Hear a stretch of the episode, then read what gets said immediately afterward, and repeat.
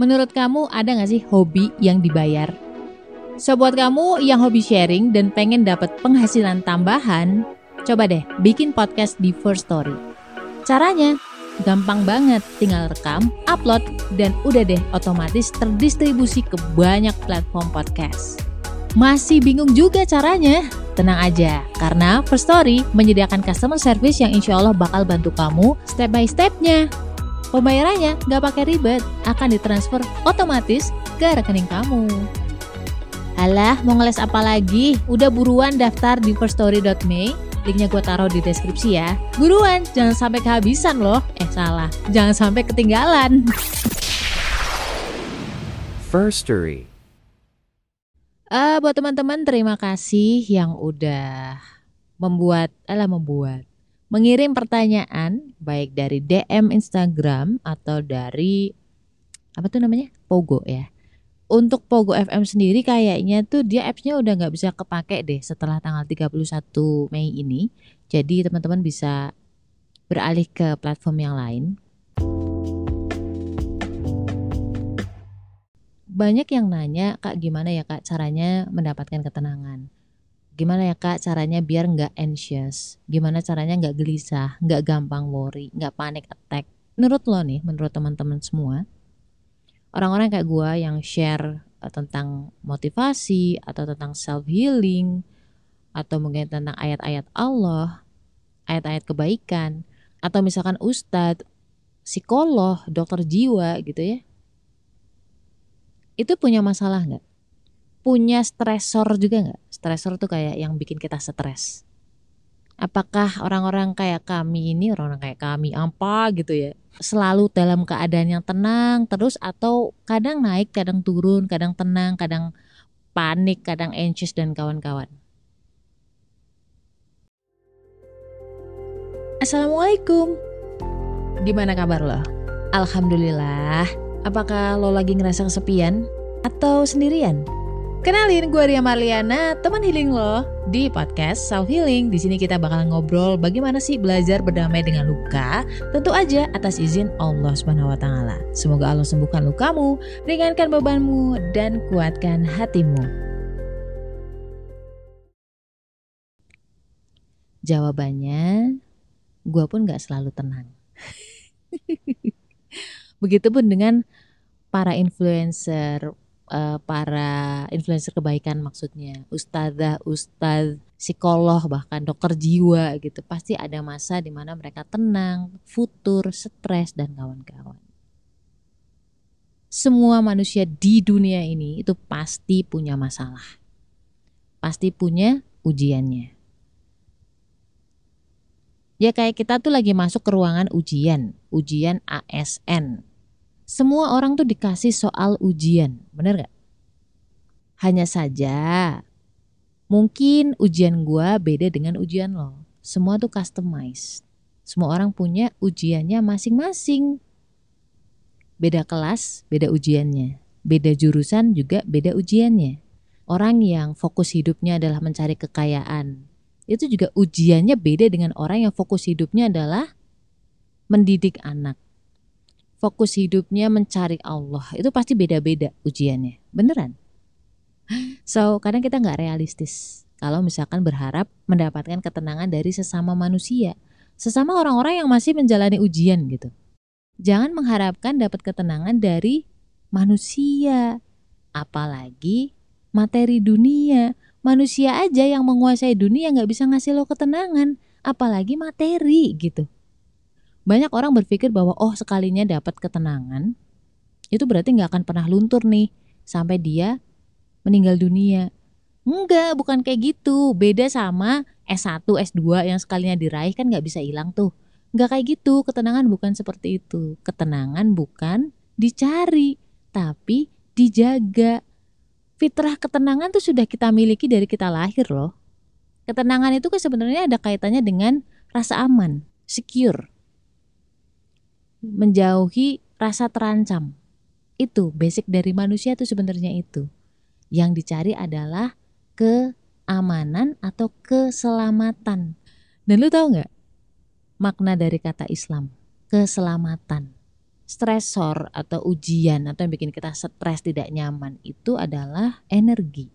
Aslinya Allah kasih kita ujian itu agar kita punya energi untuk mencari ilmu tentang Allah. Allah juga udah kasih tahu nih. Salah satu ayat ketenangan adalah surat ke-13 ayat 28, yaitu orang-orang yang beriman dan hati mereka menjadi tentram dengan mengingat Allah. Ingatlah hanya dengan mengingat Allah hati menjadi tentram. Jadi banyak banget orang tuh pusing gimana ya Mbak caranya biar tenang. Padahal Allah udah ngasih tahu caranya. Kenapa masih pusing? Sama kayak lo misalkan nih berat badannya over nih 10 kilo Terus lu pusing tuh gimana sih caranya nurunin berat badan? Gimana caranya biar bener-bener berat badan gue jadi 50 kilo? Gimana caranya nurunin berat badan 10 kilo nih gitu kan? Kita fokusnya ke aduh berat badan 50 kapan kapan kapan berat badan 50 kapan kapan kapan gitu. Mereka tidak menikmati proses atau journey atau perjalanan dari diet sehatnya itu. Sama juga ketika kita stres.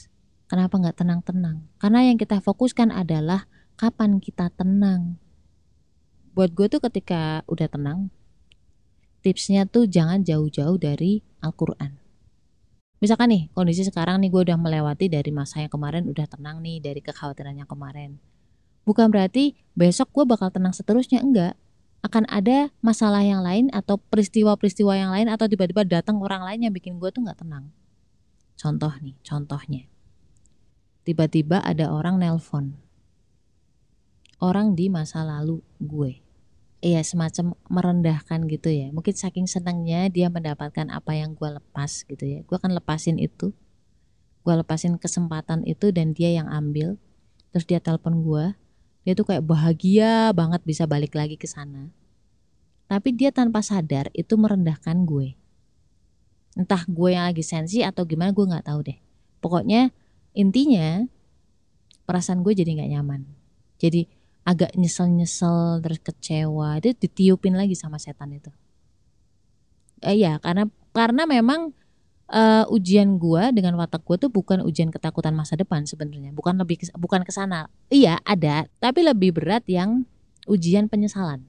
Kalau gua ya karena watak gua kan termasuk nekat kalau orang-orang nekat ujiannya bukan ke takut masa depan tapi tentang masa lalu biasanya gitu Nah ini orang-orang kan beda-beda kan, kamu pasti juga beda. Bukan salah yang nelpon juga gitu loh, maksudku ya adanya dia sampai berhasil nelpon gue, sampai gue angkat, itu kan semua atas izin Allah ya.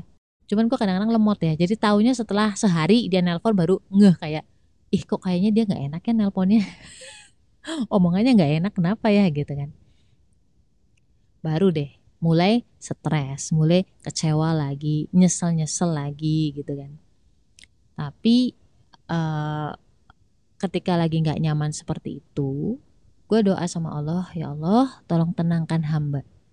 Jadi gue tahu nih kondisi gue lagi udah nggak stabil gitu ya, grafik perasaannya udah nggak stabil, langsung doa sama Allah, ya Allah, tolong tenangkan hamba.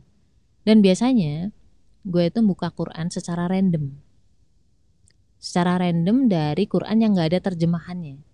Yang dilalah Allah ilhamkan gue untuk buka terjemahan surat Al-Hadid. Karena lagi dapat gue nggak bisa megang mushaf Quran kan, akhirnya gue buka YouTube dari channelnya Tadabur Daily. Karena gue beberapa kali lihat terjemahannya itu bahasanya lebih bahasa yang apa ya gue bilangnya lebih bahasa kekinian gitu. Bukan artinya dia melantur gitu enggak. Jadi penyusunan bahasanya nggak terlalu baku gitu maksudnya. Jadinya udahlah lewat situ aja gitu lewat channel itu. Yang dilalah Allah ilhamkan gue untuk buka terjemahan surat Al-Hadid. Dan sampai pada ayat 22 sampai 23 wahai manusia apa saja yang terjadi di bumi dan pada diri kalian, semuanya telah ditetapkan dalam catatan nasib seseorang di lauhil mahfuz sebelum kami menciptakan makhluk. Sungguh, bagi Allah sangat mudah untuk mengetahui setiap kejadian di dunia ini.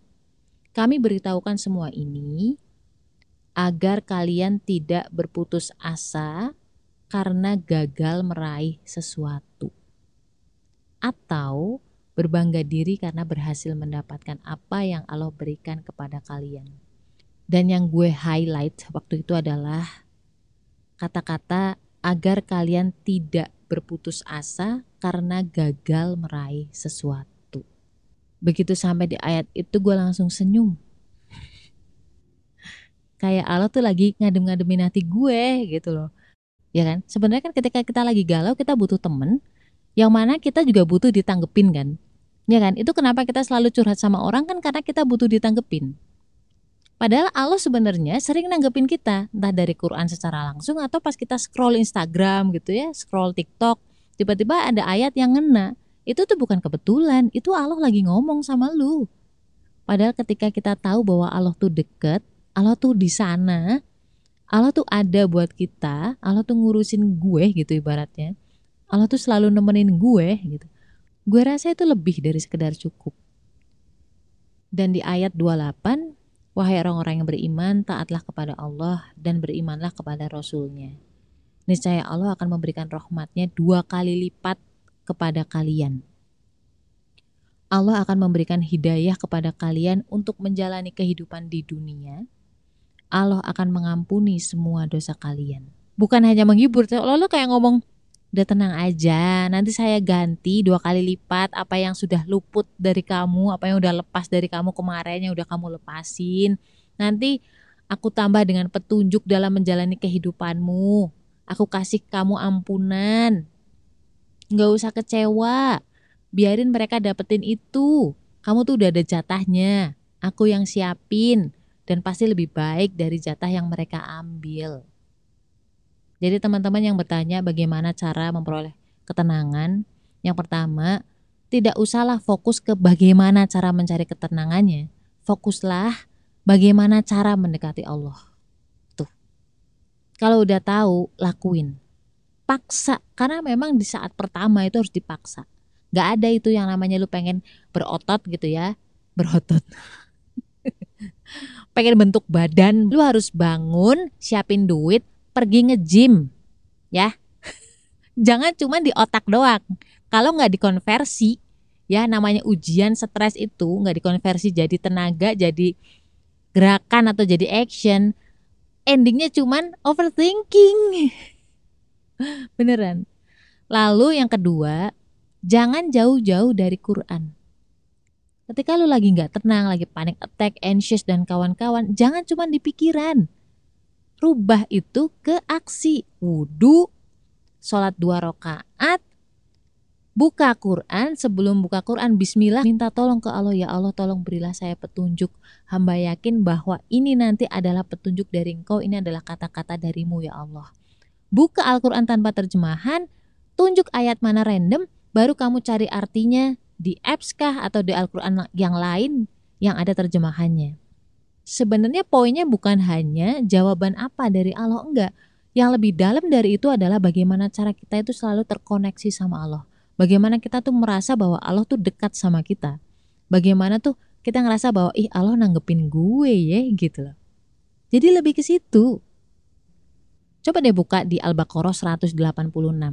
Dan apabila hamba-hambaku bertanya kepadamu Muhammad tentang aku, maka jawablah, sesungguhnya aku adalah dekat. Aku mengabulkan permohonan orang yang berdoa apabila ia memohon kepadaku. Maka hendaklah mereka itu memenuhi segala perintahku dan hendaklah mereka beriman kepadaku agar mereka selalu berada dalam kebenaran. So, terlihat jelas banget ya keterkaitan antara doa dan kedekatan kita dengan Allah. Nyadar gak sih saat terdekat dengan Allah itu adalah saat kita berdoa. Saat kita meminta pertolongannya gitu. Dan teknik ini itu disebut dengan teknik garpu tala. Teknik garpu tala itu membuka Al-Quran secara random sesuai dengan permasalahan kita waktu itu, baru nanti dibuka terjemahannya. Dan mudah-mudahan Allah kasih gua rezeki agar bisa share lebih lengkap tentang teknik garpu tala ini, pengalaman gua di episode yang lain. Oke? Okay? Mudah-mudahan Allah selalu memberikan ketenangan ke dalam diri kita. Mudah-mudahan Allah itu selalu menjaga kita dan Allah membuat kita tuh selalu merasa bahwa Allah itu selalu dekat dengan kita. La haula wala quwata illa billah. Stay love and assalamualaikum warahmatullahi wabarakatuh. Kenapa sih golongan darah B itu pelupa, susah banget ingat nama? Orangnya juga cuek, nggak pekaan, nggak perhatian. Kenapa coba? Bedah itu semua dari buku cerita tentang karakter golongan darah B dengan judul Beauty in a Beast. Order sekarang, link di bio ya.